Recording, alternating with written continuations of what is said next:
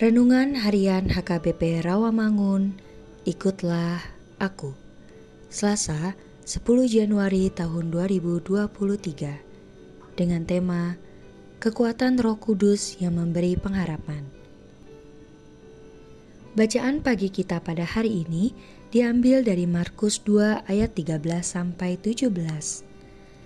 Bacaan malam kita pada hari ini diambil dari Lukas 10 ayat 38 sampai 42.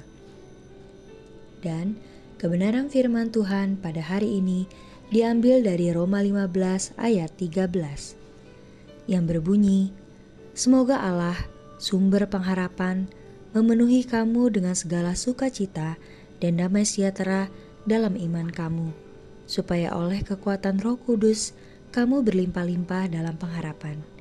Demikianlah firman Tuhan. Sahabat, ikutlah aku yang dikasihi Tuhan Yesus.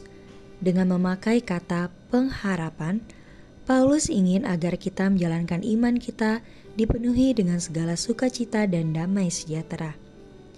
Agar kehidupan berjemaat ditandai dengan kegembiraan dan kedamaian, suasana ini timbul dari pengharapan yang dikaruniakan oleh Allah. Pengharapan itu dalam istilah Alkitab bukanlah dugaan bahwa sesuatu mungkin akan terjadi. Mungkin juga tidak. Pengharapan Kristen adalah kepastian bahwa apa yang dinantikan akan datang juga.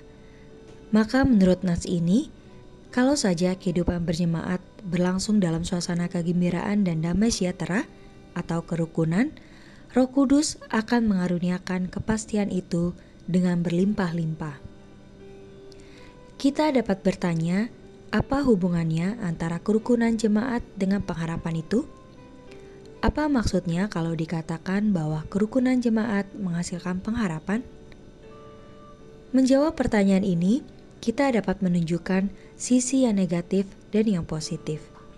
Dilihat dari sudut negatif, dapat dikatakan bahwa pertengkaran dalam jemaat sangat merusak pengharapan. Sebab itu, Karenanya orang tidak lagi ingat akan keselamatan yang dijanjikan, bahkan bisa kehilangan keselamatan itu. Dilihat dari sudut positif, boleh dikatakan bahwa jemaat yang hidup rukun merupakan salah satu panjar keselamatan. Jemaat yang demikian memperlihatkan suasana yang akan si kenal seluruh umat manusia dalam dunia yang baru. Maka, justru kerukunan itulah yang memupuk dan mengkokohkan pengharapan Kristen. Hiduplah senantiasa di dalam kuasa Roh Kudus, maka kita akan memiliki berlimpah anugerah yang penuh dengan pengharapan yang hidup. Amin.